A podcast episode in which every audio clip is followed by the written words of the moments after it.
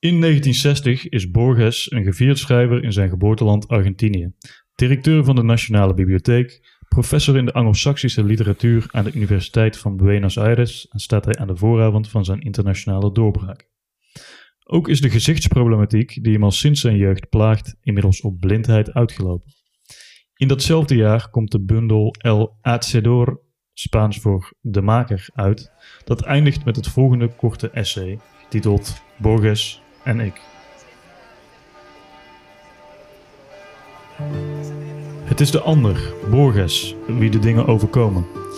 Ik loop door Buenos Aires en sta, misschien al werktuigelijk, stil om te kijken naar de boog van een vestibule en naar de tochtdeur.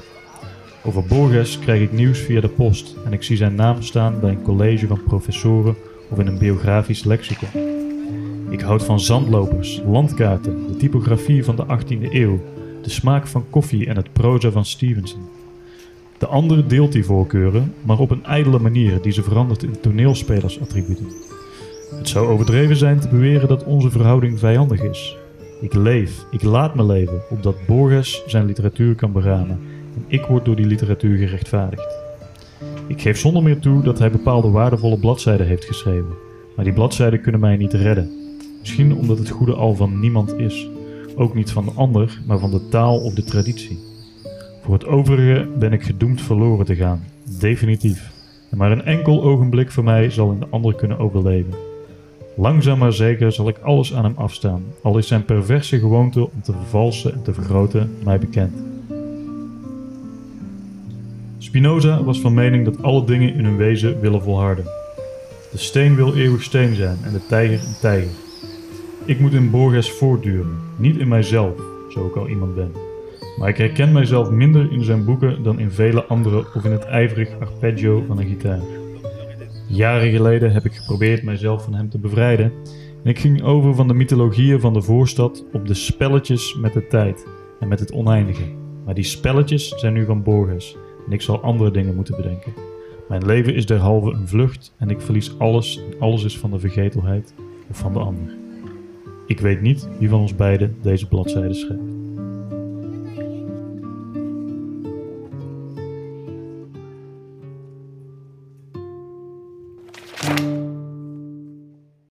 Welkom bij de eerste podcast van uh, Reactionair. Ik ben de gastheer vandaag.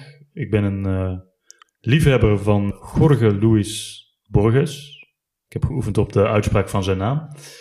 Um, goed, en naast mij heb ik zitten. Peter, ik ben vandaag de sidekick. Ik ben uh, uh, recentelijk geïntroduceerd tot het werk van Borges. Ik vind het prachtig. Um, ik heb in een grijs verleden Arabisch gestudeerd de Arabische en islamitische cultuur. Dat wil zeggen, stukjes eh, theologie en filosofie die vormen een rode draad in het werk van Borges. Een terugkerend fenomeen. En wellicht kan ik daar hier en daar wat over zeggen. Ja, en links van ons hebben wij de gast waar het eigenlijk om gaat vandaag. Dat is namelijk meneer Lem. Um, meneer Lem is een bekende naam in reactionaire kringen, kunnen we wel zeggen. Um, maar voor de mensen die u niet kennen, zou u even kort kunnen vertellen wie u bent en wat u, waarom we u uitgenodigd hebben om over Borges te. Um, mijn naam is Robert Lem. Ik ben uh, vertaler, schrijver. Ik heb ongeveer uh, zo'n dertig boeken geschreven, waarbij zaken als geschiedenis, literatuur, filosofie en religie met elkaar verweven zijn. Uh, dat is wat ik over mijn uh, vak kan zeggen. En dan het punt reactionair. Ja, ik heb mij sinds een jaar of zeven beschouw ik mezelf als reactionair. En de aanleiding was het lezen van de aforismen van de Colombiaanse filosoof Nicolás Gómez Davila, van wie ik een bloemlezing heb gepresenteerd in het Nederlands onder de titel De authentieke reactionair. En als je die uh, uitspraken, die kerngedachten leest, dan word je vanzelf reactionair. Ja.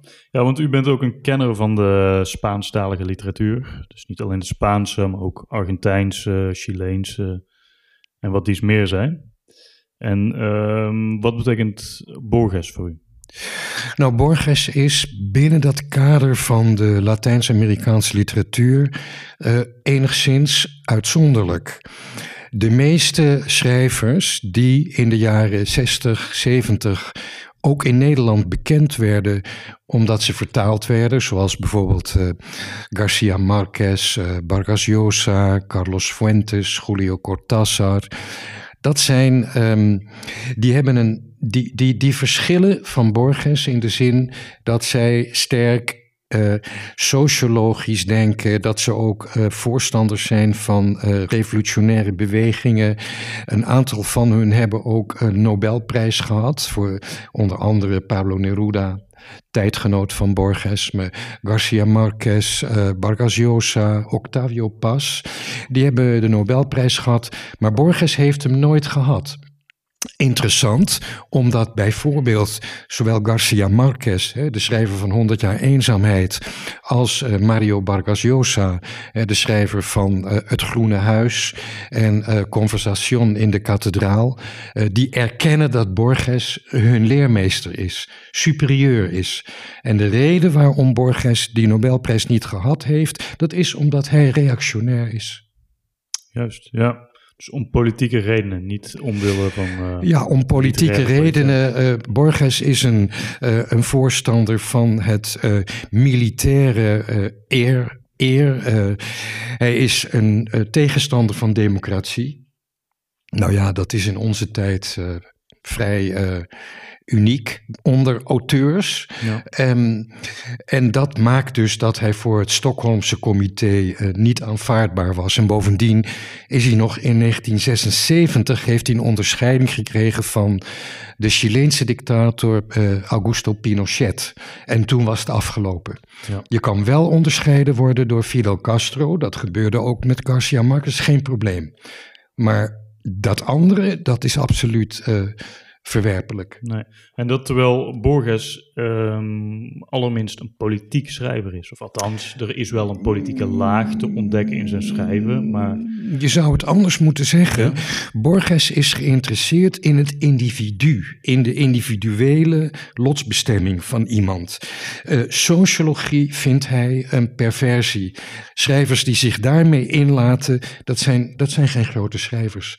Het gaat altijd om de lotsbestemming van een individu in al zijn verhalen, al zijn essays, al zijn gedichten. Daar gaat het om.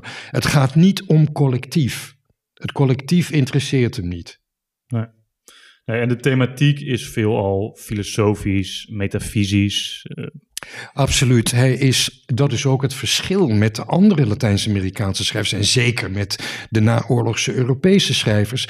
De metafysica is hij trouw gebleven. Juist. Dat is voor hem belangrijk en sterk filosofisch. Mijn uh, boek over Borges heet daarom ook ja. De innerlijke biografie, de, de literator als filosoof. Ja, want dat ben ik nog even vergeten te vermelden. U heeft dus een, uh, een biografie geschreven van uh, Borges. En u heeft hem ook vertaald, meen ik, gedichten? Ik heb hem ook vertaald hier bijvoorbeeld ja, zijn gedichten. Ja. En um, ja, de filosoof, ik uh, zou kunnen, dit kunnen illustreren met een uh, gedicht, als dat goed is.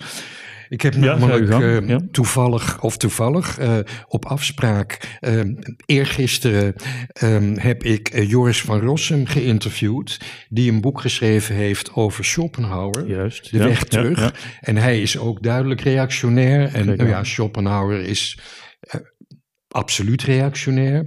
En, en toen heb ik hem een, tijdens dat interview het volgende gedicht voorgelezen. Dat komt uit uh, de eerste dichtbundel van Borges. Hè. Dus was toen 1923, Fervor de Buenos Aires. Dat, ja, dat heet uh, Vervoering voor Buenos Aires, na zijn terugkeer uit Europa. En uh, daar zie je ook al gelijk ehm, zijn de filosofie, en in dit verband, in, in, in, in dit verband met Schopenhauer. En het is als volgt. Het gedicht heet Ochtendgloren. In de diepe kosmische nacht door lantaarns amper weersproken, heeft een verdwaalde flits de zwijgende straten geschonden als een sidderend voorgevoel van het verschrikkelijke ochtendgloren dat als een leugen de ontmantelde buitenwijken van de wereld besluipt. Benieuwd naar de duisternis en benauwd voor de dreiging van de dageraad, beleefde ik weer het vreselijke vermoeden van Schopenhauer en Berkeley dat zegt dat de wereld een activiteit is van de geest, een droom van de zielen, zonder grond, noch doel, noch inhoud. Maar omdat ideeën niet eeuwig zijn als marmer, maar onsterfelijk als een bos of een rivier, nam die stelling in de dageraad een andere vorm aan en de magie van het uur, waarin het licht als wingerd de muren van de duisternis beklimt, kromde mijn verstand en schetste de volgende gril. Als de dingen van substantie zijn verstoken, en als dit talrijke Buenos Aires niet meer is dan een droom met vereende toverkracht opgetrokken door de zielen, dan is er een tijdstip waarop haar bestaan aan een zijden draadje hangt.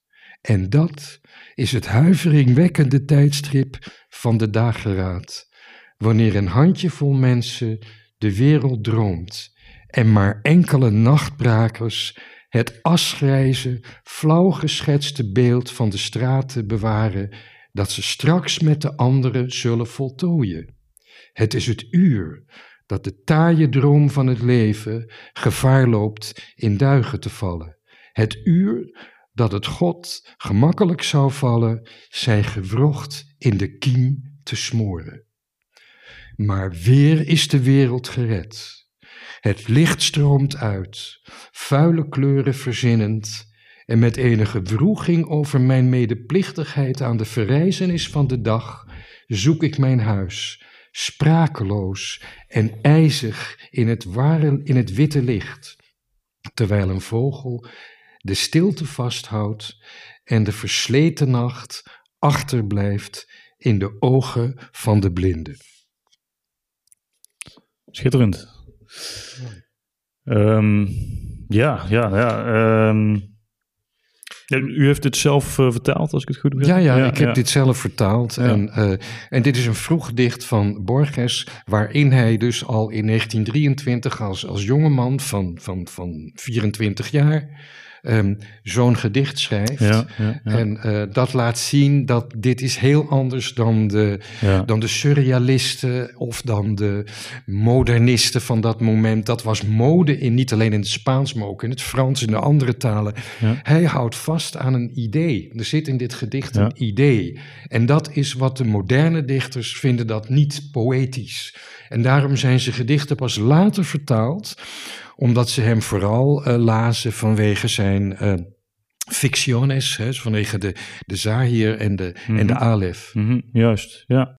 Nou, we hebben in ieder geval uh, de juiste persoon aan tafel om het over Borges te hebben. Wat ik nu wil doen, ik wil even een, een indruk geven van het oeuvre van Borges. Zoals u al zei, hij is vooral bekend om zijn korte verhalen. Hij heeft nooit iets geschreven dat langer is dan 20, misschien 30 bladzijden vier, vijf pagina's. Ja, zo kort? Ja, ja. Dus hij heeft nooit een roman. Een, een, het, zijn al, het zijn bijna allemaal korte verhalen, essays, gedichten. Um, het zijn korte verhalen, maar er zit heel veel in. Het heeft een heel hoge dichtheid aan, ja, aan filosofie, aan, aan, aan diepgang. Uh, en dat, dat fascineert mij zo aan uh, Borges, dat hij um, ja, filosofische materie in, in een kort beeldend verhaal kan uh, beschrijven. Um, ja, en, en, als ik er nog aan toe mag voegen, ja. dus uh, inderdaad, hij beschrijft een filosofisch uh, idee. hij gebruikt eigenlijk zo min mogelijk woorden. Hè? Als je in vijf pagina's of in acht pagina's zoveel kan vertellen, dan gebruik je geen overbodige overbodige uitlopers. Maar toch is het niet droog. En toch is het niet. Eh, eh, als ik het zo zou omschrijven, zou je denken dat is een gorddroge eh, materie. Maar dat is het helemaal niet. Het is, het is prachtig. Het zijn bijna een soort sprookjes voor uh, volwassenen, zou je kunnen zeggen. Ja, vindt, kijk, u dat een, als- eh, vindt u dat een oneerbiedige typering? Ik, ik begrijp dat je dat zegt. Ehm, ik, daar moet ik even iets, eh, eh, eh, iets ver- heel ter verklaring. Ja. In, in het jaar 1938, dat is een belangrijk jaar in het leven van Borges, toen liep hij met zijn hoofd tegen een openstand raam aan. Ja. En het gevolg daarvan dat hij een bloedvergiftiging opliep liep en een tijd in het ziekenhuis heeft gelegen. En toen hij daaruit kwam, moest hij revalideren. En daar heeft hij ook een verhaal over geschreven. Dat heet Het Zuiden, maar daar zullen we het nu niet over hebben. Mhm. Ehm, maar hij heeft eh, naar aanleiding van dat gebeuren gezegd. ehm, hij schreef voor die tijd alleen essays. Juist. Hè, discussion en ehm, geschiedenis van de eeuwigheid, Ja. ehm, non-fictie. En eh, toen heeft hij besloten, ehm, otras inquisiciones, de andere inquisities. eh, dus- maar toen heeft, hij heeft hij gezegd, ja, ik vertrouw mijn geest niet helemaal meer. Ik ga mij nu richten op ehm, ficties. Hè, en... ehm, dan eh, zal de lezer, de kritische lezer, mij niet eh, eh, lastigvallen met, ja, met kennis van ja, maar hè, die zegt dit en die zegt dat. Dan leest men dat als een fantastisch verhaal. Ja.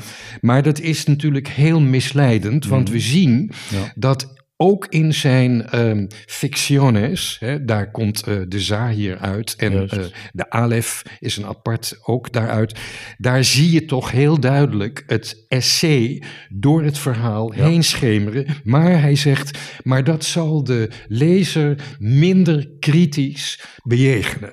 En daar zit een zekere, laat ik zeggen, een, een, mogelijk een soort valse bescheidenheid in, of een bescheidenheid in. Maar ook een bepaald gevaar. En dat heeft Borges zelf ook gezien. Het punt is namelijk dat men dan het gevaar loopt, dat hij het gevaar loopt om verkeerd begrepen te worden. Dus dat is gebeurd toen, zijn, eh, toen het eh, in het Nederlands bijvoorbeeld, maar niet alleen in Nederland, maar ook in andere talen, ehm, werd in, vooral in het Frans, daar is hij als eerste ontdekt. De eerste eh, vertalingen waren in het Frans. En dat waren, de, de, dat waren zijn, dat was de, de Alef, de Fictiones. Die werden vertaald in Frans en later in andere talen, maar ook in het Nederlands. En die werden toen eh, gelezen als fantastische verhalen, Mhm. als een vorm van eh, postmodern. Ja. En in Magisch realisme. ja, en Ja, precies. En, ja. dat, en ze zeiden, ja, dat is ook typisch Latijns-Amerikaans. Ja. En die andere schrijvers zijn dat ook, magisch realisme. Mhm. En dat is het helemaal niet. Dus toen werd hij eh, verkeerd begrepen. En dat zien we ook in Nederland. Mhm. Bijvoorbeeld eh, vrij beroemde auteurs als Mulisch en, en Notenboom en Kees Vens. Die hebben, dan, hebben hem niet begrepen. Mhm. Wie een verdomd goed begreep, Ja. dat was de Italiaanse auteur Umberto Eco mhm. die hem in de naam van de roos neerzet als oer-conservatief en reactionair. En hem daarmee eigenlijk ja, veroordeelde op een ludieke manier. Maar men las hem in Nederland en ook in andere landen als, oh, hè, dat is dus magisch realisme, maar dat heeft het helemaal niets, maar dan ook niets mee te maken. En een van zijn uitspraken naar aanleiding daarvan, dat hij zegt, roem is verschrikkelijk. Want roem, iemand die beroemd is, die loopt het risico om verkeerd begrepen te worden. En dat is wat hem overkwam. En daar zouden we meteen al bij kunnen aansluiten. Ja, ja ik Bij- vind het een lastige kwestie, moet ik zeggen. Want ehm, ja, is het dan een belediging om te zeggen dat iemand een magisch realistisch auteur is? Nou nee, het is niet beledigend, maar het is hem niet begrijpen. Het Ja, is hem maar- niet begrijpen. Want wat hij Ja. in die verhalen, zo, die verhalen, hè, die Mhm. fictiones, Ja, wat hij daar zegt, dat zijn zaken die lijnrecht indruisen tegen de moderne opvattingen over literatuur en filosofie. En dat moet je eruit kunnen halen, want dat is waar hij voor schrijft. En hij heeft zijn hele leven gezocht naar wat hij noemt de antagonist. Er is ook een verhaal dat heet de antagonist. En later, uit een latere periode, niet die we nu bespreken, waarin hij had verwacht dat hij een keer tegenover iemand kwam te zitten die tegen hem zei: Nou ja, maar wat u schrijft daar, dat is. Uh, die hem daarop zou veroordelen. Hij wilde namelijk uh, door een ander worden weerlegd. Maar dat gebeurt niet. In plaats daarvan bewonderden ze hem. En die bewondering was gebaseerd op een verkeerd begrijpen. En daar heb ik mijn boek over geschreven, De Literator als Filosoof. Namelijk laten zien, dit is helemaal niet een postmoderne figuur. Dit is een filosoof die het essay hè, en het verhaal dan en het gedicht gebruikt om ideeën naar buiten te brengen die niet, die ik zeggen, die controversieel zijn in onze tijd. Zou je en dan... dan had men, men had Borges moeten, hij zei, ik, men, men had mij moeten verafschuwen. En in plaats daarvan kreeg ik bewondering, gebaseerd op niet begrijpen. En dan komt Umberto Eco in de naam van de roos en die beschrijft Borges daar als een blinde bibliothecaris, genaamd uh, Jorge de Burgos. Want Borges was natuurlijk ook... Uh, was blind, ja, een man van 80 jaar, mhm. die een bibliotheek bewaakt. En daar een dominicaan, een inquisiteur, vergis je niet, Borges heeft twee bundels geschreven, Inquisiciones mm en Otras Inquisition. Borges is een inquisiteur. Mhm. Daar begint ook een boek. En dat is het allerlaatste wat we willen. Het is mhm. Iemand die de literatuur van zijn eigen tijd veroordeelt. Dus de Nederlanders die hem bewonderden, die zou hij hebben verafschuwd. Maar zou je dan misschien kunnen zeggen dat hij, dat uh, Borges de vorm uh, of de stijl van het magisch realisme gebruikt om uh, een filosofische boodschap of een kritiek over te brengen? Dus dat, het, dat, dat als je hem een magisch realist noemt, dat je hem dan verkeerd begrijpt, maar vooral incompleet begrijpt. Hmm, dus nou, dat, je, dat hij misschien wel dat qua vorm is, maar niet qua inhoud. Nou, dan moet ik toch weer zeggen, het woord realisme en wat daarvoor staat, dat verafschuwt hij hmm. in alle toonaarden. Hmm. Dat zijn dan al die, al die romanschrijvers die dikke pillen schrijven, dat, zijn dat zijn realisten. Die beschrijven de dagelijkse beslommeringen van middelmatige figuren uh, en binnenvetters en zo. Dat is wat bij ons een roman is. Die staan vol met pagina's, dat noemt hij stopverf. Dat moet zeggen, realisme gebruik het nooit. Want Borges heeft daarover geschreven. Hoe hij het realisme verafschuwt. En waarom hij nooit een roman geschreven heeft. Juist vanwege dat realisme. En magisch helemaal niet. Dat is omdat men het echt niet begrijpt. Daar is mijn boek voor geschreven. En dat boek ja, dat, dat is door de, de kennis van Borges in Nederland. Uh, nou ja, ik heb een keer uh, Harry Mulisch ontmoet, die, die begreep hem dus helemaal niet. Uh, dan denk ik bij mezelf, heb ik niet tegen hem gezegd, Borges zou uw boeken hebben verafschuwd. Er zijn maar een paar Nederlandse schrijvers. Hè? Iemand als bijvoorbeeld Robert van Gulik, de schrijver van de rechter Tieromans, die zich in het 9e eeuwse China mm, afspelen, mm. die zou die hebben bewonderd. Die zouden bewonderd. Hmm. Maar al die romanschrijvers, Kees Notenboom en noem ze maar op. Nee. Dus die zouden Borges hebben moeten bekritiseren en zeggen, die willen we nooit meer lezen. En toen kwam Echo en die zag het. En die zei, Borges is de, de blinde bibliothecaris die in het boek van de naam van de roos tegenover een progressieve Franciscaan staat. En dat is Echo zelf. En Borges heeft een boekje van Aristoteles in de bibliotheek verstopt, hm. zodat de monniken dat niet onder ogen krijgen, want daarin wordt kritiek gegeven op de humor.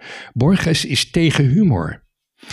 En toen heeft Borges. Terwijl, terwijl ik toch, uh, soms moet ik wel lachen om Borges. Ja, maar dat is dan misschien onbedoeld. Maar hij zegt zelfs, hij, hij, hij verwijt, uh, ik, het zal, kan ik meteen, vind, vind ik dat nog wel. Oh, tijd, uw piramide. Ja, maar het, het, Borges, is, Borges geeft de voorkeur aan uh, de waardige, het waardige van de treurnis. Hmm. En uh, hij vindt vreugde uh, flauwekul. En daar volgt hij ook weer Schopenhauer in. Er is geen enkele reden tot vreugde. Oké, nou ja, kijk, ja, hij komt op mij niet over als een zuurpruim.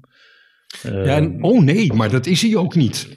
Dat is hij ook niet. Maar in het boekje wat Borges heeft verstopt, daar staat Jezus Christus. En hebben we het nu over even. het personage of over nee, de echte... nee, we hebben het nu over eh, ja, wat, wat, wat, wat Echo zegt, Juist, maar niet ja. ten onrechte. Mhm. Jezus Christus heeft nooit gelachen, nergens in het evangelie, maar wel gehuild. Dat staat er ook in het evangelie. Dus lachen, dat wordt afgedaan als een vorm van wat apen ook doen. En dat, en dat is wat Echo aanvalt. Echo valt Borges aan. En dat is precies wat Borges nodig had. Want hij zegt, ja, begrijpen de mensen niet, ze zouden me moeten verafschuwen. Dus door verkeerd begrijpen, en daar hebben we ook een essay in de Zaaier over, heeft hij, daar heeft hij zijn roem aan te danken. Helaas, Bent u het eens met de lezing van Eco van Borges? Nee, ik zeg dat. Nee, ik zeg één ding maar. Eh, twee dingen. Echo heeft wel dit goed gezien. Ja. Borges is een inquisiteur. Ja. Maar hij heeft een karikatuur van hem gemaakt. Hmm. Maar het is wel zo dat Borges heeft een, een gedicht geschreven over eh, de verbranding van de bibliotheek. Van Alexandrië. Ja, van Alexandrië. Ja, ja. Maar ook in het verhaal Het Congres Ja. gaat over een bibliotheek Juist, waar uiteindelijk zoveel eh, onzin naar binnen komt dat de bibliotheek in brand drukt. Hij was zelf bibliothecaris. Mm, mm. Hij, heeft, hij zegt het is goed om de bibliotheek te verbranden, want dan klaart dat de lucht en alle dingen die in de bibliotheek staan, die zullen allemaal weer opnieuw worden uitgedacht en uitgevonden. Dus het is een opluchting. Dus wees voorzichtig. Borges is gevaarlijk voor de moderne tijd. Maar dankzij het feit dat hij niet is begrepen, Ja. daarvoor is, daardoor is hij beroemd geworden. Oké. Ehm, Oké, dus hij is in ieder geval geen magisch realist. Even, even heel kort. Zul- zullen we hem misschien kunnen typeren als magisch idealist? Is dat een, is dat een beter etiket? Nou, in ieder geval eh, het idealisme, hè, dat, Ja. dat zegt hij ook Ja. in zijn, eh, in zijn ehm, eh, beschouwing over Schopenhauer. Dan zegt hij van alle filosofen en schrijvers, hè, Mhm. ook schrijvers die filosoof zijn. Hm. Want ik heb al eens eerder gezegd. Het is onzin om eh, filosofie in een apart hokje te Ja. zetten en literatuur in een ander. Kafka behandelt die wel, maar Heidegger vindt die onleesbaar Ja. en bovendien eh, een nazi. Maar het, het, punt is gewoon dat ook gewone schrijvers kunnen filosofen zijn. Oscar. Wilde bijvoorbeeld heeft hij daarbij, maar goed. Maar eh, ja, de, de, de, je, kunt hem eh, idealist, eh, idealisme, hij heeft, het, hij heeft Schopenhauer van alle filosofen, oude filosofen, Ja. die heeft hij ge- gezegd dat als er nou één filosoof is die ik heb Ja. gevolgd, dan is het Schopenhauer. Als u een genre-aanduiding, heel kort even, een genre-aanduiding voor Borges, wat zou het zijn? Twee of drie woorden. Nou ja, kijk, wij hebben in, het, eh, in de 18e eeuw, tot in de 18e eeuw, bestond wat ze noemden eh, de ideeënroman. De filosofische Ja. roman. Hè, Voltaire, eh, Diderot, Mm. die ook, en dan hebben we ook nog de eerste die dat deed, was eh, ehm, de, de schrijver van Robinson Crusoe. Ja. mhm. En ehm, dan zegt hij van ja, het is heel interessant Swift. om een stuk te schrijven, een, een boek te schrijven over iemand die op een onbewoond eiland is en die als individu moet overleven. Daniel Defoe. Daniel Al het begin 18e eeuw. Maar wat hij veroordeelt in Defoe is dat het, het, de helft van het boek bestaat uit de beschrijving van dat eiland waar dat werkelijk ligt. En dat is voor het liberale idee van de, de kooplui die willen weten waar dat eiland ligt. Dat is volkomen onbelangrijk. Ja. Het gaat om hoe overleeft een individu op een onbewoond eiland. En waar dat eiland ligt en hoe dat eruit ziet en dat geografisch beschrijven is nonsens. Ja. Daar begint het realisme wat hij afwijst. Juist. Goed. Ik wil Ja. even heel kort toch nog eh, een beetje advocaat van de duivel eh, spelen. Eh, u zei net, eh, humor, daar doet hij niet aan. En jij zei, nou ja, ik moet toch wel eens om hem lachen. Onbedoeld dan misschien, zei u. Ik heb hier een klein stukje uit eh, eh, het verhaal Pierre Ménard, schrijver van de Quichot. Ehm, waarin hij eh, onder andere een lijst eh opsomt. ehm, met werken van, de- van de schrijver eh, Pierre Ménard. En Die niet bestaat, die niet bestaat. Nou Ja. goed, en er zitten, ik zal er twee items uit voorlezen. Item I, een onderzoek naar de metrische kernwetten van het Franse proza. geïllustreerd met voorbeelden van Saint-Simon. Revue de l'Enroman Montpellier, oktober 1909. Item J. Een weerwoord aan Luc Durtin, die het bestaan van dergelijke wetten had ontkend. Geïllustreerd met voorbeelden van Luc Durtin. Revue de l'Enroman Montpellier, december 1909. Oftewel, hij uh, zegt hier dat uh, hij geeft een weerwoord aan Luc Dartin die ontkent dat er metrische kernwetten in het Franse proza staan, geïllustreerd met voorbeelden van diezelfde auteur die dat ontkent. Ja, dat kan toch niet onbedoelde humor zijn? Nou, dat kun je dus als humor opvatten. En het is om, je lacht daar ook om. En er zijn wel meer voorbeelden daarvan te verzinnen. Bijvoorbeeld in het verhaal De Alef. Dat is dan het meest beroemde verhaal wat hij geschreven heeft. Ja, wat hij daar bekritiseert is iemand, en dat is een dichter, een, een Argentijnse dichter, dat is een fictie, uh, fictie uh, Carlos Argentino. En die is bezig om de hele wereld te beschrijven. Dus en nou heeft hij net een, een, een dik boek behand, uh, afgemaakt over de Noordwesthoek van Australië. Maar die is er nog wel even bezig. Wat hij daarmee, absurdistisch eigenlijk. Absurdistisch. Wat hij daarmee belachelijk maakt is het realisme. Mm. Dat is namelijk de, dat is een landkaart die net zo groot is juist, als juist, de werkelijkheid. Ja. Ja. En dan kan je dat, als je dat opvat als humor, ja, nou, dan ben ik dat is ja, maar goed, zo. Ja, inderdaad, humor wellicht als wapen. Want humor, uh, door iets uh, zo absurdistisch af te schilderen uh, kan humor. Humor hoeft niet per se lichtvoetig en frivol nee. te zijn. Humor kan ook een, een scherp wapen zijn om iets te bekritiseren. Zeker. Je kunt, kijk, eh, wat, wat, wat Echo onder humor verstaat, dat is, dat is zeg maar, je, dat kan heel plat zijn. Ja. He, dat kan maar uh, dat, dat schateren. Hè? Je, je, je rotlach, mensen die bij naar een humorist luisteren. He, maar iets anders is de glimlach de glimlach. Dat is iets anders dan lachen. Het is, het is geen platvloerse humor, dat, dat nee, uh, het zeker is geen niet. Platvloer, het is een, het is, en het is voor degene die het pakken, die het oppakken. Ja, Want ja, wat je net voorlas, hè, er zijn mensen die lezen daar overheen. En uh, trouwens het hele verhaal van Pierre Menard, iemand die eigenlijk uh, gewoon Don Quixote overschrijft. Ja. Het hele, en het uit een palimpsest. Dat, dat, dat is op zich al uh, ja, om te lachen. Ik vind het Want mooi, hij pretendeert daarmee een nieuw boek te schrijven. Ja. En dat is, uh, dat is inderdaad, als je, ja, dat kun je zeker, dat kun je doen. Dus er zit ook een zekere ironie in. Maar het is geen uh, platvloersuur. Nee, het, is het, is geen, het zijn geen grollen, maar het is... nee, nee, nee, nee, nee, zeker niet. Nee, Nou, ik wil even terug naar het boek om eh, de lijn erin te houden. We gaan het dus specifiek hebben over de Zahir. Uh, de keuze voor dat boek De Zahir is min of meer willekeurig. Uh, het is een bundeling, ik moet het precies zeggen, het is een selectie van korte verhalen uit twee bundelingen, namelijk uit de Aleph, uit Fictiones. Nou ja, als je iets van Bo Borges gaat lezen, maakt het niet zoveel uit wat. Zoek gewoon een leuke uh, verzameling korte verhalen uit. Het maakt ook niet uit op welke volgorde je ze leeft, Nee. uh, leest. Um, Ja, kijk, en als ik zo... Ja? Korte opmerking uh, voor de uh, lezer of, of, de kijker of luisteraar die, uh, die denkt... Waar, jullie hebben het hele over de Zahir en Mm. nu heb je het over een boekje, de Zahir. Juist. Er is dus keuze gemaakt, moeilijk te begrijpen keuze om deze bundeling, die, een, die weer een selectie is uit twee andere bundels, ook de naam te geven van een verhaal wat in die bundels staat. Ja. Dus, maar we hebben het dus over de bundel, de Zahir, ja, waarin ook het verhaaltje de staat. Goed, als ik zo naar die inhoudsopgave kijk, ehm, dan zie ik allerlei verschillende verhalen. Dus Borges is eh, divers. Het begint bijvoorbeeld met een verhaal De Dode. Nou, dat is een soort, eh, een soort Argentijnse western. Het is een verhaal van eh, zeven bladzijden in mijn uitgave. Maar en ik geloof dat Peter ook die ervaring heeft gehad. Als je dat uit hebt, heb je het gevoel dat je een hele film hebt gezien. Ja. Hij kan in enkele zin, eh, ja, zinswendingen. eh, kan, kan hij een, een, een schildering geven van een situatie waar je ook eh, een hele scène in een film over zou kunnen maken. Nou, en dat is gewoon een, ja, een soort western. Ja.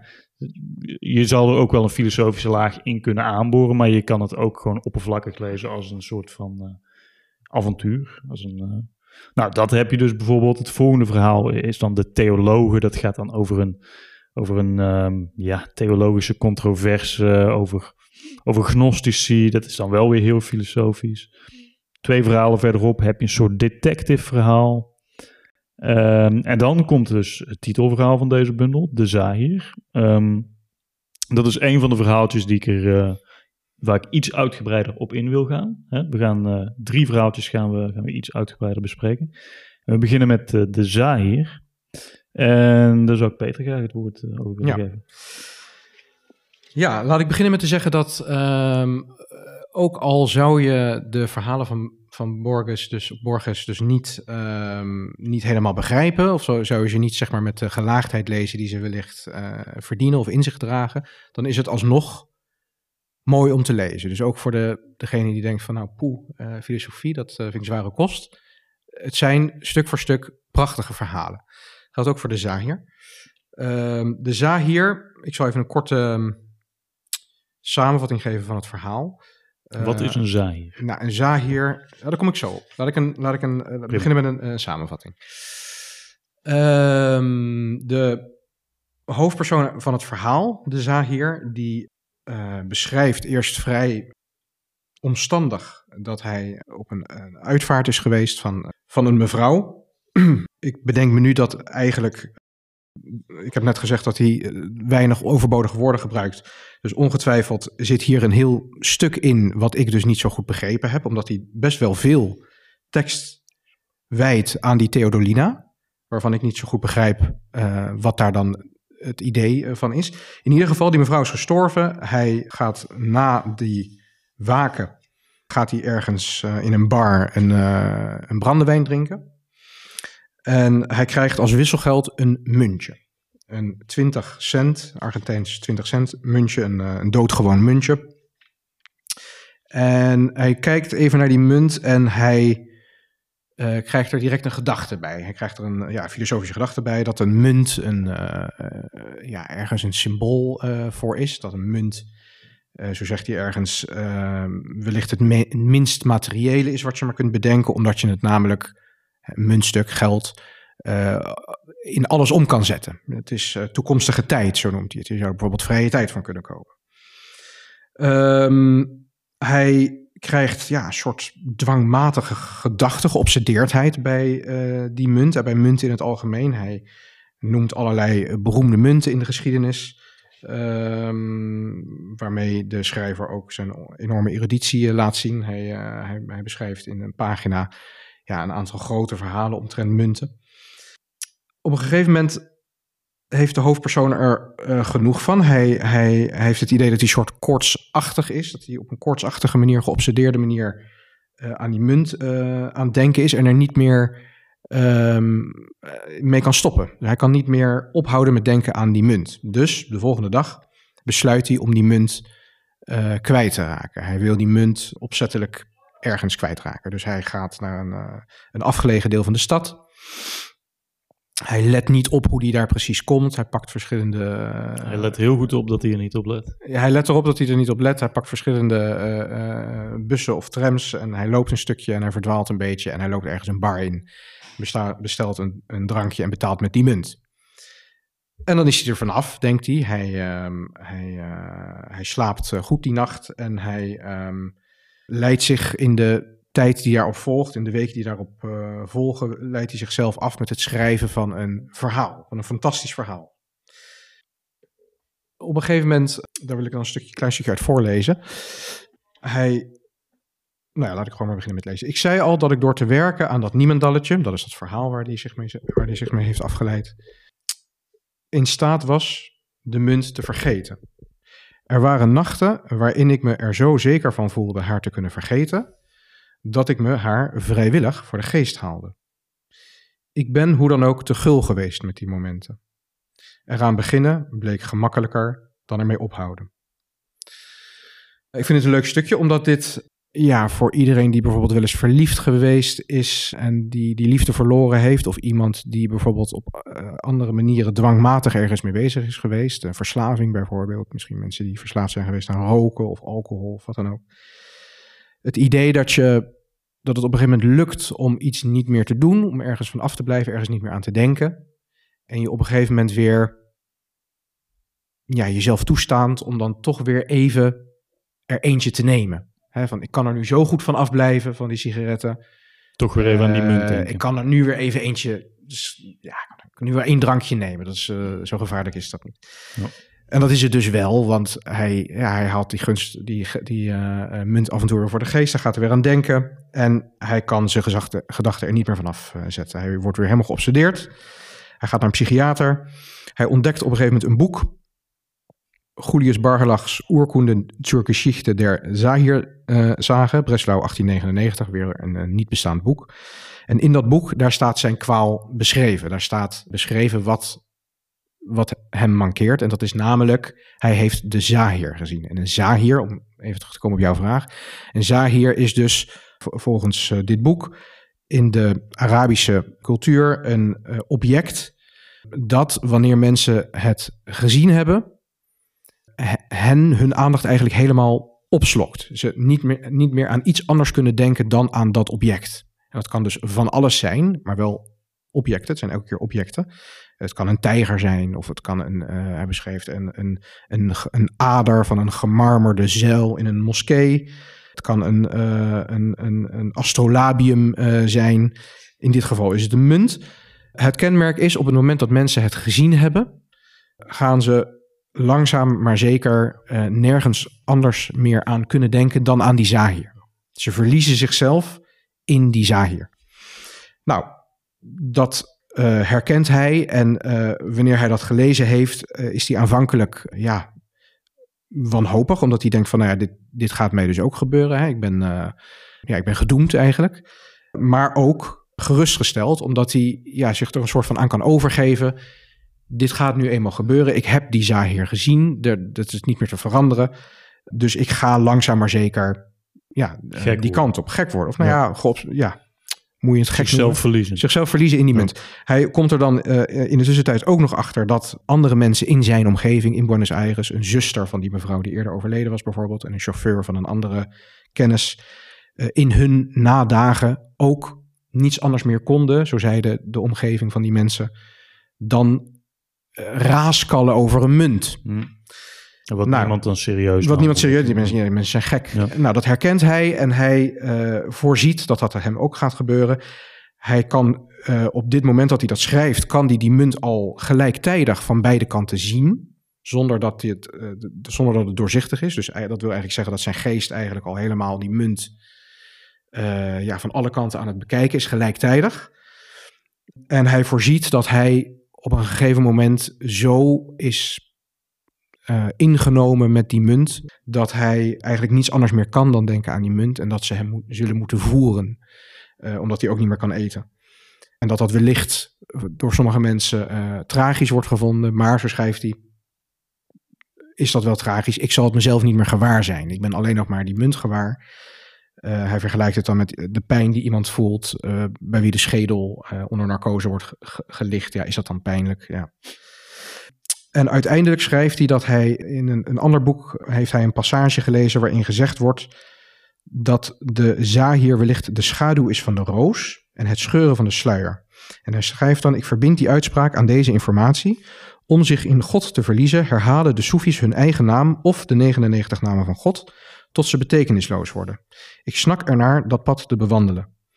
Misschien kan ik de zahir tenslotte verslijten door eraan te denken en er opnieuw en opnieuw aan te denken. Misschien zit achter het muntstuk God. Ja, dus het is een verhaal waar ontzettend veel in staat, wat op voor, voor veel... Um, het is ook weer een uh, kort verhaal. Het is een kort verhaal, wat ook weer waar je eigenlijk heel veel in kan lezen. En dat is ook gebeurd. Ik heb wat, wat reviews, uh, ja. analyses uh, online opgezocht. Ja, dat is dan zo'n verhaaltje van, wat is het, vijf, zes bladzijden. En dan ga je dan toch ga je, toch, ben, je bent er toch veel langer mee bezig, omdat je inderdaad dingen gaat opzoeken. Ja, klopt. Ja. En, en er ook nog wel op na zitten kouwen, na zitten denken van wat, wat, wat wordt hier nou mee bedoeld met die Zahir? Dat is natuurlijk de vraag. Ik zal even kort mijn gedachten erover zeggen, dan geef ik graag u het woord. Wat mij opviel is dat die Zahir, zoals hij het omschrijft, dat het altijd een ding is, dus als een object. Uh, je zou ook uh, geobsedeerd kunnen zijn door een idee of door uh, een, een, een, muziekstuk of iets dergelijks. Maar uh, het gaat bij hem altijd om een object, een materieel ding. Dus ik dacht misschien dat, dat, dat die Zahir symbool staat voor het materiële, waar mensen zich misschien in kunnen verliezen. ik zie u nee schudden, dus ik hoor graag uw gedachten erover. geobsedeerdheid met iets, dat kan dan van alle zijn, dat is ook een kenmerk van de Zahir, zoals het wordt omschreven. Het is altijd, uh, daar komt de poes. Het is altijd, uh, er is er maar, er is altijd een Zahir volgens dat boek wat hij aanhaalt in het verhaal. Er is altijd één Zahir, maar altijd maar één tegelijk. Het is altijd een object. En iedereen die het gezien heeft, is ermee geobsedeerd. Ik dacht, misschien staat het voor het materiële wat de mens najaagt. En uh, waar mensen zich dus in verliezen. In uh, ja, het bereiken van materieel, van materieel geluk, rijkdom, ehm, ehm, carrière. Maar u zit te popelen, hoor ik dat te reageren. Ja, ik, in de eerst, ik, eerst wil ik zeggen dat dat object wat hem obsedeert en waar hij van af wil. We hebben nog twee andere voorbeelden daarvan. Um, dat is bijvoorbeeld uh, het Boek van Zand. Dat is een boek uit een van zijn laatste bundels. Gelijknamig ook het Boek van Zand genoemd. Wat een boek is dat ja, dat, als je dat doorbladert, dan kom je nooit aan het einde. Je kunt, je kunt, en, en dat boek heeft hij gekregen of gekocht van, een, van iemand die aan de deur kwam. En dat wil hij ook kwijtraken. Dat is ook een, een voorwerp, een ding dus, mm-hmm. wat alles in zich heeft. En een tweede voorbeeld, en dat sluit aan op een ander verhaal uit de Zahir, uh, dat hij op zoek gaat naar in India, in, in de bergen, daar zou een blauwe tijger bestaan. Blauwe tijger. En de man die daarnaar op zoek gaat, die ontdekt dat blauwe, blauwe tijgers, dat zijn eigenlijk platte stenen in een rivier, die die, die die dan opraapt en meeneemt. En die op een gegeven moment ook, daar wil hij op een gegeven moment van af. En dan komt hij in een moskee en dan ziet een bedelaar daar. En dan geeft hij die stenen aan die bedelaar, want het is zo'n iets totaals, dat, dat, dat wil hij niet, daar wil hij dus van af. Mhm. Maar de, de, de pendant van de, van de Zahir, de pendant, die uh, veel beroemder is dan de Zahir, is natuurlijk de Alef. Ja. En de Alef is een bolletje in een kelder, en dat is gezegd in de kelder van de schrijver die de hele wereld beschrijft. Die heeft in zijn kelder een alef. En als je die alef ziet, dan zie je het hele universum. En ik, ik, kan, dat, uh, ik kan het voorlezen als het, uh, of, of als het te lang um, Een stukje, een stukje. Ja, nou ja, hij, hij zegt... Uh, over de alef. Ja, dit, dit gaat over de alef. Ja. En dat gaat dus ook naar aanleiding van een vrouw op wie die verliefd was. Mhm. Net als in het verhaal de Zahir, die gestorven is. En dan krijgt hij een compensatie voor het verdriet van het verlies van die vrouw. En die vrouw heet Beatrice. Dus ah. anders dan Theodolina uit de, uit, de, uit de Zahir. Dat is gewoon een actrice, maar daar is hij ook verliefd op. Maar Beatrice is geen zomaar naam. Dat is Beatrice. De Beatrice Dante. van Dante. Ja. En dan, uh, dan zegt hij, ik zal het uh, niet helemaal volgens mij kort houden. Mm. Ik kom thans aan de onuitsprekelijke kern van mijn verhaal. Hier begint mijn wanhoop als schrijver. Elke taal is een alfabet van symbolen waarvan het gebruik een verleden veronderstelt dat de sprekers delen hoe de andere, en hoe de andere duidelijk te maken, maar hoe de andere duidelijk te maken wat de oneindige alef is, als mijn bevreesde geheugen hem nauwelijks kan bevatten. En dan zegt hij in vergelijkbare vervoeringen strooien de mystici met zinnenbeelden om de goddelijkheid duidelijk te maken. Een pers heeft het bijvoorbeeld over een vogel die in zekere zin alle vogels is. Alain de Lille uh, die heeft het over een bol waarvan het middelpunt hmm. overal is en de omstrek nergens. Ezekiel van een engel met vier gezichten die zich tegelijkertijd oostwaarts, westwaarts, noordwaarts en zuidwaarts richten. Niet zomaar roep ik deze onbegrijpelijke analogieën in herinnering. Ze hebben namelijk iets met de alef te maken. Wie weet zouden de goden mij een vergelijkbaar beeld laten vinden, maar de verwoording ervan zou besmet zijn met literatuur, met onechtheid. Het centrale probleem is overigens onoplosbaar. De opsomming, hoe gedeeltelijk ook, van een oneindig geheel. In mijn overweldigende ogenblik heb ik miljoenen heerlijke of gruwelijke handelingen gezien. Geen ervan overrompelde mij zozeer als het feit dat ze zich allemaal in één enkel punt afspeelden, zonder in elkaar over te lopen en zonder doorzichtigheid. Wat mijn ogen zagen, gebeurde tegelijkertijd. Wat ik op schrift stel, gebeurt achtereenvolgens, aangezien taal van opeen, aan opeenvolging gebonden is. Toch zal ik iets van mijn ervaring proberen weer te geven. En wat hij dan weergeeft is een opsomming van allerlei dingen die hij in die kleine bol ziet. En dan eindigt het verhaal met als je ook maar een glimp van het universum hebt opgevangen, en dat heeft die Alef dus gegeven, dan kun je daarna aan niets anders meer denken. Dan is alles, vooral het realisme, alles is onzin. Want alles wordt onbelangrijk vergeleken bij dat beeld. En in de zaaier staat het verhaal van een priester, een Maya-priester, die in een kuil is opgesloten. En aan de andere kant van zijn uh, gevangenschap, daar is een tijger of een luipaard. En, hij, en die ziet hij maar een heel kort ogenblik elke dag. En hij weet dat als hij die ziet, dan ziet hij in, de, in die tijger, in dat luipaard, ziet hij de, in de tekening op de huid, dat is, het, dat is het symbool van het universum. En dus met andere woorden, het universum kan je misschien ook terugvoeren op die Zahir, die dus allerlei dingen is, die je zelf ook hebt opgenoemd. En dat is de totale, maar in de, in de Alef is hij daar, ja, dat zit hij als een mystieke ervaring. Die Alef is niet van hem. En bovendien moet hij die Alef zien, want Carlos Argentino, dus de idioot, de realist, de romanschrijver, die zal dat luik niet openmaken als hij de Alef niet ziet. Hij weet het, dan maakt hij dat nooit meer open. Want die was ook op verliefd op Beatrice. Dat was dus een concurrent in de liefde. Dus eh, hij, zijn angst maakt dat hij, wanneer hij naar boven kijkt, daar is het luik. En die trap die naar boven, dan ziet hij op een van die treden aan de onderkant ziet hij die Alef. En dan is hij gered, want dan zal Carlos Argentino de, de, het, het luik openmaken. Dus Maar uh, terugkeren naar die zaak, wat, waar, waar, zou dat dan, waar moet dat dan symbool voor staan? Die, die, die Alef, dat, daar zie je het hele uh, universum in. En daar, als je dat eenmaal gezien hebt, kan je niets anders meer denken. Die Zahir, dat is een enkelvoudig object, een munt of een, of een, of een dier. Uh, en als je die gezien hebt, kan je ook nergens meer aan denken. Maar je verliest jezelf er dusdanig in dat je, dat je, dat je niet meer kan functioneren.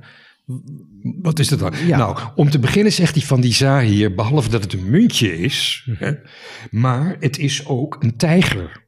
En het is ook een blinde. En het is ook een astrolabium. En het is ook een kompas. En het is een ader. En het is de bodem van een put. En het is de schaduw van een roos. En het is de scheur in de hemel. Met andere woorden, de zaaier is een heleboel dingen. En uh, Zahir is een Arabisch woord. Het is, ik heb me laten vertellen dat het ook de naam is van iemand kan Zahir heten in het Arabisch. Klopt dat? Uh... Maar Zahirier, Zahirier is een werkwoord in het Spaans, wat ook een Arabische afkomst heeft, Zahirier. En, en dat betekent kwetsen. Maar het kan ook een gunst betekenen. Het twee dingen betekenen. Het kan een verwensing betekenen en het kan een zegen betekenen. Twee dingen, je kan er twee kanten mee uit. En dat is misschien een, uh, een, een, een, dat, het, dat hij het heeft opgevat als een verwensing.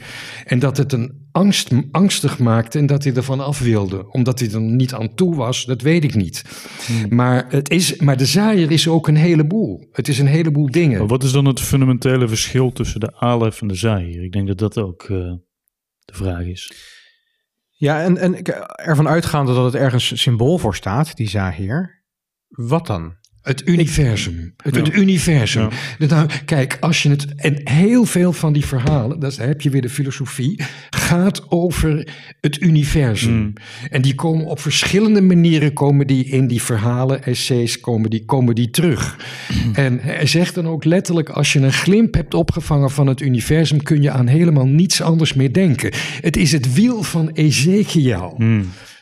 Het is wat de mystici, hè, dus de, de heilige Therese van Avila heeft het over een diamant Ja. met heel veel facetten waarin ze het universum ziet. Hmm. Dat is hetzelfde.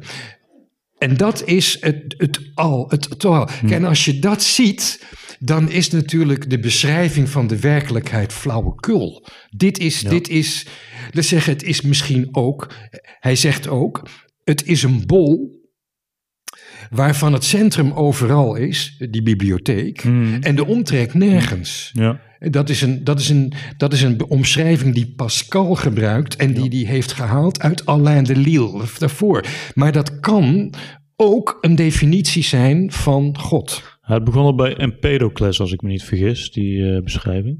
Daar, daar wil ik inderdaad even op aanhaken. Ja, we zouden drie verhaaltjes eh, eh, eruit lichten. Kijk, we kunnen ieder verhaal natuurlijk, kunnen we, kunnen het urenlang over hebben. En dat is ook heel interessant natuurlijk. Maar nu het genoemd heeft, wil ik inderdaad even overstappen op het volgende verhaal. Dat is eh, de Bibliotheek van Babel. Een van mijn favorieten. Ja, ik, ik vind allemaal geweldig, maar dit is echt een, eh, een hoogtepunt voor mij. Dus in dat verhaaltje stelt Borges het universum voor als een bibliotheek. Eh, als een oneind, of niet een oneindige bibliotheek. Pas op, het is geen oneindige bibliotheek. Er is zelfs berekend dat die bibliotheek. Even kijken waar ik het heb opgeschreven. Er is berekend hoeveel boeken die bibliotheek moet va- be- bevatten. Dat is namelijk 25, eh 25 tot de macht 1.312.000. Ik kan ernaast zitten, maar ik heb dit ergens... eh, iemand heeft dat nagerekend. Het is een soort van literatuur voor wiskundigen. Er is ook iemand die heeft een boek geschreven... The Unimaginable Mathematics of eh, Borges' Library of Babel. Eh, dus die, die bekijkt van hoe zou dit wiskundig in elkaar kunnen zitten. Borges geeft een beschrijving van hoe de bi- bibliotheek eruit ziet. Het bestaat uit zeshoekige ruimtes die op elkaar aansluiten. Dus er is ook een hele discussie over, heb ik op internet gevonden, van hoe die dan op elkaar aansluiten. Want dat blijkt niet helemaal duidelijk uit de beschrijving van Borges. Dat kan op verschillende manieren werken. Goed, en dan beschrijft hij hoe hij in die bibliotheek. Borges was geobsedeerd met, met bibliotheken. Hij groeide ook op in eh, de bibliotheek van zijn vader. Eh, ging hij op zoek naar de catalogus der catalogi. De meeste boeken het is net als in het gedachte-experiment met, met apen die je achter typemachines zet. Op een gegeven moment komt daar Hamlet uit. De meeste boeken zijn gewoon onzin voor ons. Het zijn gewoon willekeurige opsom willekeurig, dus aanhalingstekens, opsommingen van lettertekens. Maar af en toe duikt er dan ineens een intelligibel woord op. Of drie op een rij, zoals O time thy pyramids. In het Engels dan. eh, O tijd uw piramide. Ik weet niet hoe het in het Spaans eh, is. Nou, dat, dat vind ik hilarisch. Dat, dat vind ik echt eh, de humor van Borges. Dat is dan een boek wat in de hele wijde omgeving bekend staat. Want zij hebben een boek met een paar betekenisvolle woorden erin. Eh, maar goed, hij gaat dus op zoek naar de catalogus der catalogie. Het boek dat alle andere boeken overbodig maakt, zou je kunnen zeggen. Dus is een heel vergelijkbare thematiek. Hij vindt het natuurlijk niet. Hij zegt op een gegeven moment, als een jonge man heb ik gezocht naar de catalogus der catalogie, maar ik zal sterven in de buurt van waar ik geboren ben. En, en handen zullen mij over de reling gooien en dan zal ik oneindig vallen. En eh, ja, dat, dat is een boek, eh, dat is een, eh, een, een, een, een verhaal dat me heel erg aan, eh, aanspreekt. Ik moet me ook een beetje inhouden, want ik zou er ook zomaar uren over kunnen vertellen. Maar misschien dat u eh, iets Nou over ja, op te kijk, merken heeft. Borges is heel. Borges was zelf bibliothecaris. Hè? Dat Juist. is heel belangrijk. Hij heeft Ja. heel lang in de bibliotheek gewerkt. Totdat uh, de dictator uh, Perón hem ontsloeg en hem degradeerde tot inspecteur van kippen en konijnen op de Juist, markt. Dat juist, was een juist. belediging. Ja. Later is Perón door de militaire junta afgezet. En toen werd hij weer bibliothecaris. Vandaar dus ook zijn, ja, zijn hang naar het militaire. Die waren hem gunstig gezind. Um, maar hij is altijd op zoek geweest naar het boek dat alle andere boeken overbodig maakt. Dat zeg ja. je al. En dan moet ik toch even denken aan een, uh, aan een gedicht wat daarbij aansluit. Even kijken of ik het vind. Um, of ik even kijken. En dat is namelijk uh, die uh, 152. Dat is namelijk het boek, um, um, dat komt in het gedicht, in het volgende gedicht.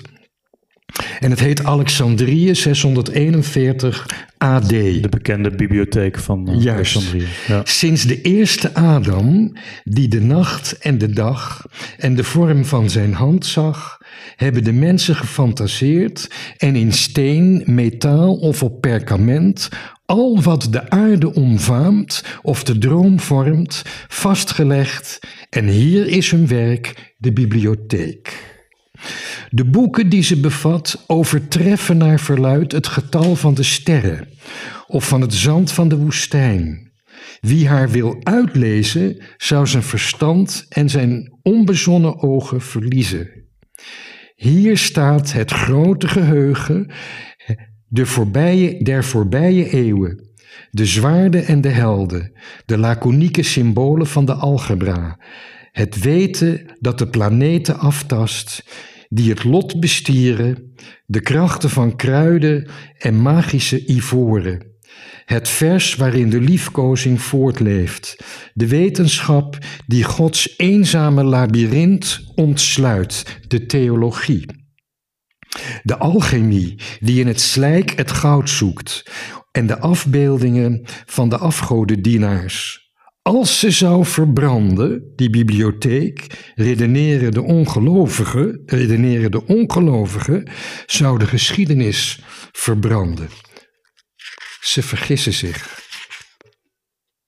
De onafzienbare boeken zijn de voortbrengselen van de menselijke waken. Als niet één ervan zou overleven, zouden ze iedere bladzijde en iedere regel, ieder werk en iedere liefde van Hercules, iedere les van ieder manuscript opnieuw voortbrengen. In de eerste eeuw van de Hijra beveel ik, Omar, die de Perzen heeft onderworpen en de islam op aarde plant, mijn soldaten, de grote bibliotheek, die niet zal vergaan, te vuur te verwoesten. Geprezen zij God, die niet slaapt, en Mohammed, zijn apostel. Schitterend. Ja, ja, want die bibliotheek is dus daadwerkelijk uh, in brand gestoken. Is werkelijk in brand gestoken. Ja. Maar het maakt niet uit, want staat in het gedicht: de mensen zullen alles wat in al die boeken staat opnieuw ja. opschrijven. En dan komt hij weer totdat hij weer on, on. En maar dat het punt is dat voor Omar, hè, de, de, de opvolger van uh, Mohammed, ja. staat alles in de Koran. Juist. Je hebt ja. niets nodig. Ja. Je hebt de Koran. Wat mm -hmm. moet je met al die boeken? Die verwarren de geesten van de mensen alleen mm -hmm. maar. Weg ermee. Mm -hmm. Vuur erin. En dat idee fascineert Borges. Daar heeft hij ook dat verhaal het congres over geschreven van een aantal mensen die mogen inbrengen wat ze belangrijk vinden. En dat is in het begin heel goed, maar dan komen er allerlei onbetekenende geschriften binnen die bibliotheek en dan moet de, de, de fik er weer in. Ja. Om ruimte te scheppen. Voor... Om ruimte te scheppen, ja. want anders dan worden de mensen gek. Ja, ja, ja, Want het zijn namelijk onzinnige boeken. Het is een labyrint. Het is een. Uh, ja. Eigenlijk is dit ook weer een aanval op democratie. Hè? Juist, juist. Want uh, ja, ook dit verhaal kunnen we weer urenlang over doorgaan. Maar ik wil toch uh, doorschakelen naar het volgende verhaal. We gaan namelijk van de bibliotheek van Babel naar de loterij van Babylon. Dat is de keuze van uh, meneer Lem.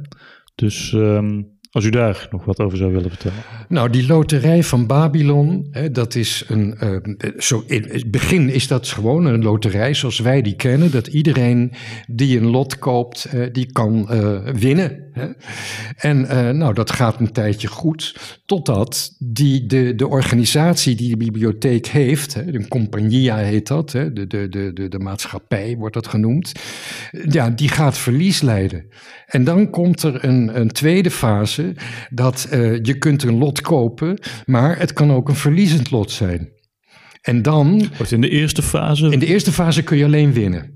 Kun je alleen winnen. En als je niets hebt, nou, dan heb je niks. Maar net als in een gewone loterij. Iedereen wint in de loterij. Nee, niet eerste- iedereen. Een, een, een aantal mensen winnen in die loterij, maar de meeste mensen hebben een lot gekocht en die verdienen niks. Er is alleen positieve winst alleen mogelijk, positief. maar er is geen straf mogelijk. Nee, er is geen Oh, straf. oké. ja. En in net, de- net als een gewone loterij. Precies. En in de tweede fase komt er een, een boete. Mhm. Dus op het moment dat jij een lot hebt dat een verliezend, als verliezend wordt beschouwd, Ja. moet je een boete betalen. Ja. En als je die boete niet kan betalen, dan ga je de gevangenis in. Mhm. En zo, maar dan die maatschappij bestaat in het begin nog uit een soort elite. En de mensen protesteren, maar dan komen er ook gewone mensen in die loterij. En uiteindelijk is het één grote aaneenschakeling van toevalligheden. En ja, en dan denk je bij jezelf, dit is een metafoor, dit verhaal. En wat wil hij daarmee zeggen? Ik heb toen lang gedacht hoor, erover. Eerst dacht ik van, hij bedoelt misschien de kerk. Hè, die werken met beloning en straf. Hè. De beloning is de hemel en straf is de hel. Ja. Of het kan de staat zijn. Hè. Je hebt de mensen die, hè, die, die, die hebben daar baat bij en andere mensen helemaal niet. En toen dacht ik, nee, dit is, dit is de democratie. Wat hij hier bekritiseert is de democratie. En dat klopt ook. Hij noemt ook de democratie een vorm van een loterij, waarin je het lot van een volk overlaat aan het toeval van de stembus. En dan zegt hij, dit is een zwaktebod. Ja. Dit mag je nooit doen. Ja. Je bent wanhopig als je dat laat gebeuren. Er moet namelijk leiding zijn. Er moet iemand zijn die, de, die het volk leidt. Maar Hoe loopt het verhaal af? Om nog even terug te komen op het verhaal. Dus fase Nou, 2, het, het- het mensen loopt worden... af dat die bibliotheek helemaal, dat, die- Loterij. dat die loterij Ja. dus helemaal, eh, ja, eh, opgaat in, in het niks. Dus eigenlijk, eh, ja, ophoudt. Maar het is, eh, ik, ik, de, de, de precieze afloop ben, ontschiet me nu, want een tijdje geleden, maar het, het komt er in elk geval op neer dat dit een fundamentele kritiek is op de democratie. Want hij zegt zelf Ja. in een ander verband dat de democratie het lot van de gemeenschap overlaat aan de loterij van de stembus. En dat is wat daar gebeurt. Ja. Hij noemt dat is de wanhoop geen leiders te hebben die ons leiden. En dat is de democratie. Hij noemt het ook het misbruik van de stembus. Ja. Noemt hij het ook. Dus met andere woorden, democratie is. En daarom heeft hij het ook in al zijn verhalen alleen maar over individuen. Nooit over groepen, nooit over een gemeenschap. Een ander punt, één, nog een ander, maar dat is Ja. heel iets anders. Eh, Een van de verhalen heet De secte van de Phoenix. Ja, ja. Ik weet niet of je dat begrepen Ik heb het, eh, als ik me goed herinner, ja, ja maar gaat u door. Nou, de, de secte van de Phoenix is een heel kort verhaal van Mhm. twee bladzijden, drie bladzijden. En op een gegeven moment denk je, ja, wat is die secte nou? Waar gaat en dan, het over? eh. Nou, dat is, dus, ja, dat is, dat is ook weer... eh, kijk, Borges is een idealist. Hè, een idealist. Mhm. En eh, dat heeft ook het kenmerk van... ehm, hij zegt ergens, er zijn twee dingen die hij verafschuwt. Die Borges als idealist verafschuwt. Namelijk spiegels en de voortplanting. Want die vermenigvuldigen de onwerkelijkheid. Die vermenigvuldigen de onwerkelijkheid. En dat is de secte van de Phoenix. De secte van de Phoenix is een, zeggen, een, een, een, een kritiek op de voortplanting. Want hij had geen secte voor. kinderen, Borges. Hij had geen kinderen. Nee. Wel hij is, eh, heel- hij is op oudere leeftijd, in de, toen hij al over de 60 was, Ja. is hij even getrouwd geweest met een vrouw, maar hij heeft meteen ontdekt dat dat niet ging. eh, na een paar eh, korte tijd. En toen is hij weer naar zijn moeder teruggegaan. En zijn moeder was inmiddels 90. En toen uh, Perón weer terugkwam aan de macht in 1973, het begin van de vuile oorlog in Argentinië, toen, werd, toen werden zij opgebeld. Zijn moeder was toen dik in de 90 en hij was dik in de 60, of ouder zelfs. En toen werden ze bedreigd door de telefoon. Door de telefoon, omdat nu Perón weer die zou wraak nemen. Want Borges was een vijand van Perón. En toen heeft uh, uh, zijn moeder door, door de telefoon aan de mensen die bedreigden gezegd van... ach, wij zijn al veel te oud om nog bang te zijn. Komt u maar. als u ons iets wilt doen. Wij zijn al te oud om nog bang te zijn. Mag ik even aanhaken wat u net zei? Dus uh, waar de, de, eigenlijk het hekel hebben aan spiegels en voortplanting. Dat gaat over uh, Borges zelf? Ja, want kijk, hij zegt, kijk, die secte van de Phoenix. Kijk, de Joden, Joden, die moeten zich voortplanten. Want de Messias is er nog niet. Dan moet je je voortplanten. Je moet in maar leven de, blijven. Maar de christenen, wij hebben de Messias al. Dus hmm. de voortplanting is niet meer nodig. Daarom schrijft Paulus ook: de maagdelijke staat is de beste. Als je brandt, trouw dan maar. Dus de secte van de Phoenix, dat is een niet bijnader genoemd, dat is een beeld van voortplanting hoeft niet meer, want we hebben de Messias al. Ja. Goed, um, we moeten richting het einde. We kunnen hier nog uren op doorgaan uh, natuurlijk. Um, ja, we hebben, we hebben de. Ik hoop dat we de, de luisteraar een uh, indruk hebben kunnen geven van wat voor iemand Borges is. Waar ik mee zou willen afsluiten. Waarom Borges lezen? Waarom Borges lezen überhaupt en waarom nu? Wil uh, Peter daar misschien mee beginnen? Nou ja, wat ik net, daarnet al uh, zei, zijn het stuk voor stuk uh, prachtige verhalen. Als je ze alleen al zou lezen omdat je van mooie verhalen houdt, is dat al reden genoeg. Daarin zit vervolgens een heleboel filosofie en theologie. Die, uh, ja, die raakt aan interessante thema's, veelheid en, en, en enkelvoud, het universum, labyrinthen lotsbestemming, als je geïnteresseerd bent in dat soort filosofische thema's, dan is, uh, ja, ja, dan is Borges een aanrader. Ja. ja. ik zou willen zeggen, Borges is niet per se actueel, maar hij is wel tijdloos. De thematiek die hij beschrijft is, ja, dat kent geen tijd. En uh, ik zou er ook nog een, een, een praktisch argument aan uh, toe willen voegen. Een beetje vulgair misschien. Maar het feit dat het korte verhalen zijn, dat, dat uh, strekt toch wel uh, tot voordeel, naar mijn mening. Kijk, we zijn allemaal uh, druk natuurlijk. Wie heeft tegenwoordig nog tijd om een, om een dikke roman te lezen? Maar dit zijn verhalen, je kan het in, nou ja, je neemt zo'n verhaaltje in een kwartier, misschien een half uur tot je. Maar je kan er wel dagenlang op herkouwen. Ja. En dat, dat vind ik echt heel mooi. Je kan bij wijze van spreken een verhaaltje voor het slapen gaan lezen. En, en een week later kun je er nog over nadenken van wat er nou uh, precies stond. Dus daarom zou ik echt iedereen willen aanraden van lees gewoon iets van Borges. Maakt niet uit. Borges is vooral interessant voor schrijvers. Want al zijn verhalen, essays, dat zijn, geven een plot waar een ander een hele roman over kan schrijven. Of ja. een film over kan maken. Hij legt namelijk niks uit. Hij suggereert. Hij, hij, hij, beschrijft geen psychologische processen, geen dagelijkse beslommerheden. Daar moet je je eigen fantasie voor gebruiken. En Borges is metafysisch tegenover alle andere schrijvers van onze tijd, dat hij is nog steeds bezig met God het universum.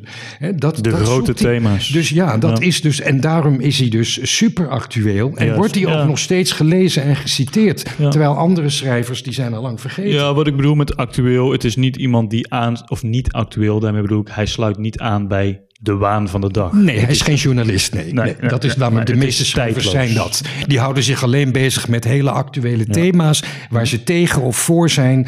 Maar hij, dit zijn, dit zijn de eeuwige denk, denk uh, dingen waar we, waar we mee bezig zijn. Dus je moet even uit de dagelijkse werkelijkheid. Maar hij is niet tegen de. Hij is geen wereldvreemde. Maar hij geeft aan wat de werkelijke thema's zijn. Vroeger? Eh, Roman bijvoorbeeld is, is, een, is, een, is een 19e eeuw genre, bestond voor die tijd helemaal niet. Daar zijn wij aan verslaafd. Romans zijn iets voor, voor dames, hè? maar niet voor... Het is dus ook heel erg uh, ja, masculien. Hè? Er komen maar een paar vrouwen in zijn verhalen voor. Mm, Emma Soens ja. en, en nog een vrouw, uh, Ursula heet ze geloof ik, of Ulrika. Dat zijn de enige vrouwen en dat zijn dan ook meer figuren zoals Elektra. Dat zijn heldinnen. Uh, um, dus ja, het is. Um, het, en je kunt zo'n verhaal kun je, kun je drie keer, vier keer Ja, lezen, want ze zijn eens, kort. En ze fascineren je en ze geven je een idee. Je ziet steeds iets anders. Ja, en, En, en, ja, en in onze context, ja, Borges is absoluut reactionair. Ja, zeker. Nou, het lijkt me een mooie afsluiter. Ik denk dat we een uh, goed gesprek hebben gehad. Zeker. Ik wil uh, Peter bedanken. Ik wil uh, meneer Lem bedanken. En nou, ik hoop dat de luisteraar het interessant vond. En ja, nogmaals, ga Borges lezen. En ja, laat ons weten wat je ervan vindt.